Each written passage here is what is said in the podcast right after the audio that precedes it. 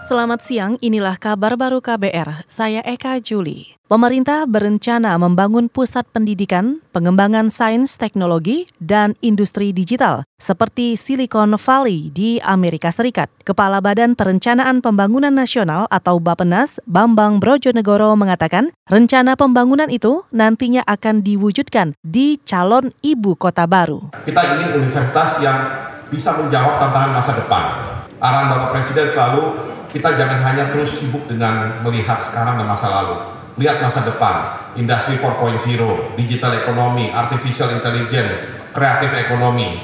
Itu yang nantinya akan di cover oleh universitas baru yang akan ada di situ, dilengkapi dengan Science and Technopark, dan inovasinya nanti melalui high tech and clean industries, selain Research and Development Center. Itu tadi Kepala Bapenas Bambang Brojonegoro. Sebelumnya, Wakil Presiden Yusuf Kala menyatakan pemerintah ingin membangun kawasan pusat industri digital. Pembangunan kawasan khusus itu ditujukan untuk kemajuan industri teknologi dan digital.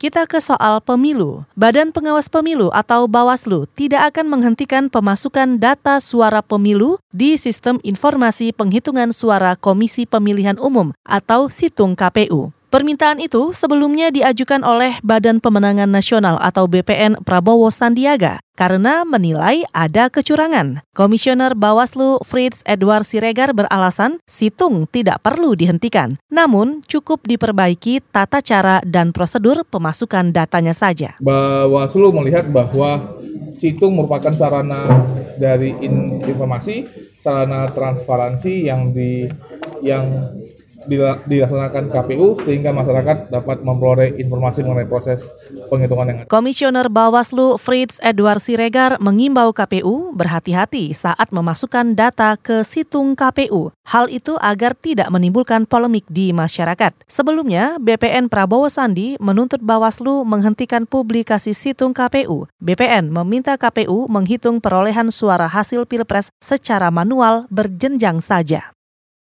Kita ke Balikpapan. PT Angkasa Pura I Balikpapan mewaspadai masuknya virus cacar monyet atau monkeypox di Bandara Internasional Sepinggan. General Manager PT Angkasa Pura I Balikpapan, Farid Indra mengatakan telah berkoordinasi dengan Kantor Kesehatan Pelabuhan atau KKP Bandara untuk memeriksa penumpang di jalur kedatangan. Mudah-mudahan tidak akan menyebar masuk ke wilayah Indonesia melalui Bandara Sanus Pinggan tapi juga kami selalu memastikan kepada teman-teman KKP untuk standby pada saat penerbangan internasional yang berjadwal maupun yang tidak berjadwal. Kami akan pastikan bahwa akan ditangani dengan baik dan mereka sudah siap mulai dari fasilitas, peralatan maupun nanti penanganan jika nanti ada terjangkit dengan masalah uh, cacar Manggini. General Manager PT Angkasa Pura I Balikpapan Farid Indra juga menambahkan, pendatang dari Singapura yang masuk melalui Bandara Internasional Sepinggan paling diwaspadai, sebab saat ini virus cacar monyet sudah merebak di Singapura.